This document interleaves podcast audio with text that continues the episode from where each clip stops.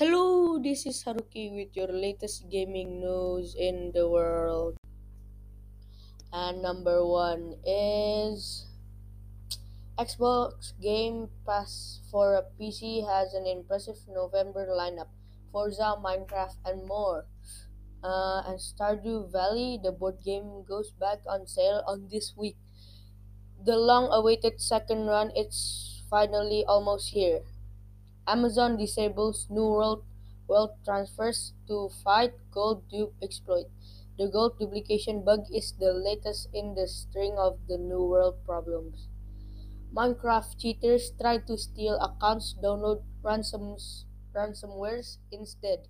Japanese Minecraft players looking for stolen accounts are getting duped by malware. It's like instant karma. The fantastic-looking Bloodborne remake is launched on PC in January. No more yearning for Yar- Yharnam when this PS1-style Bloodborne remake launches.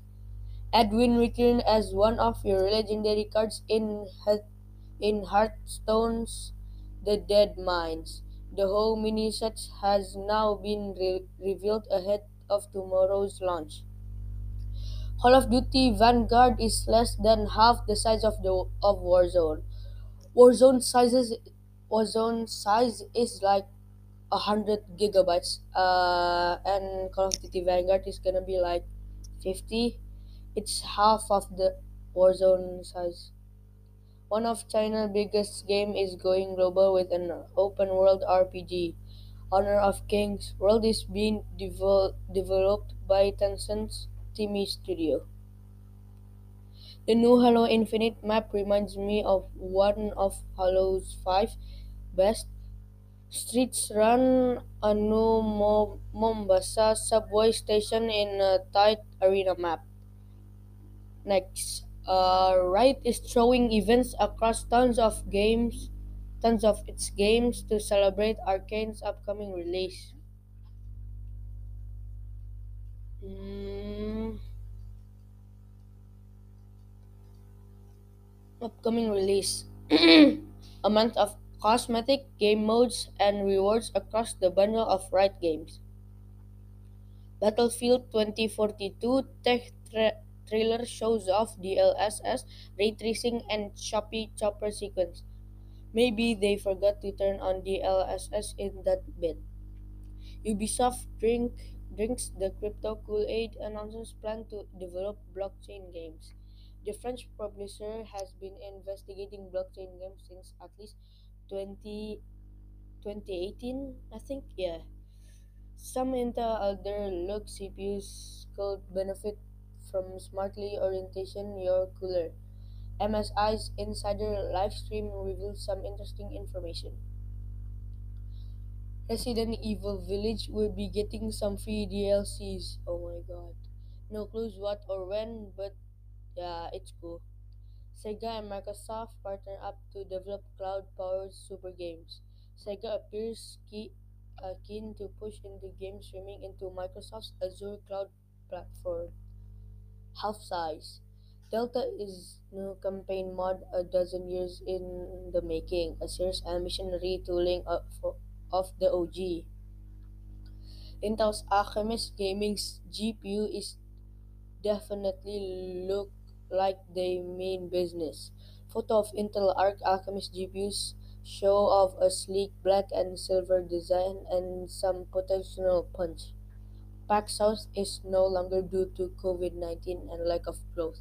The conversation is finished for the first foreseeable, foreseeable future. After a three day outrage, Roblox is back online. This, is, this was not due to any peak internal traffic or any particular, particular experience. And Dusk update brings tons of features to the PC version. Good news for fans of weapons, wheel, and old school UH- HUDs. Age of Empires 4 had almost 74,000 concurrent players on Steam for its opening weekend, nearly double the peak player count of Age the Empire 2 the Definite Edition. Cyber, cyberpunk action RPG The Ascent get an, a photo mode and some Halloween swag too. Here's a bit about Haunted Chocolatiers combat. The latest on the next game for Stardew Valley creator Concert Ape. Looks like Fortnite China is shutting down. A wrap up in November. This week PC gaming, Call of Duty Vanguard, Unpacking, and Let's Build a Zoo. This week all about World War II, ethics and zookeeper, and declarating your space. Yep, Skyrim has a spider grenade. A corner of Skyrim unnoticed by many. id Software is hiring maybe for a new Quake. I mean, it's probably not a sequel to Commander Keen. Payback 2 adds Halloween cosmetics join Skeleton Army. You know, for Halloween. Uh, this visual novel is also a puzzle about getting the character out live. The surprisingly gruesome and gory Bad End Theater goes hard on the same theme. There are a lot of bad endings. Roblox has been down for nearly two days. Both games and websites are suffering an extending outage, but a fix may be coming. The in the conventional gaming skincare line is no more. Valkyrae's Rift RFLCT skincare line is no longer available, and nearly everything to do with it has been scrubbed. And that's now from today. It's just a short episode. My next episode is gonna be uh like 20 minutes. I don't know. It's gonna be about a Pokemon. It's gonna be about Pokemon episode. My third episode, yeah. And so thank you and see you soon. Bye.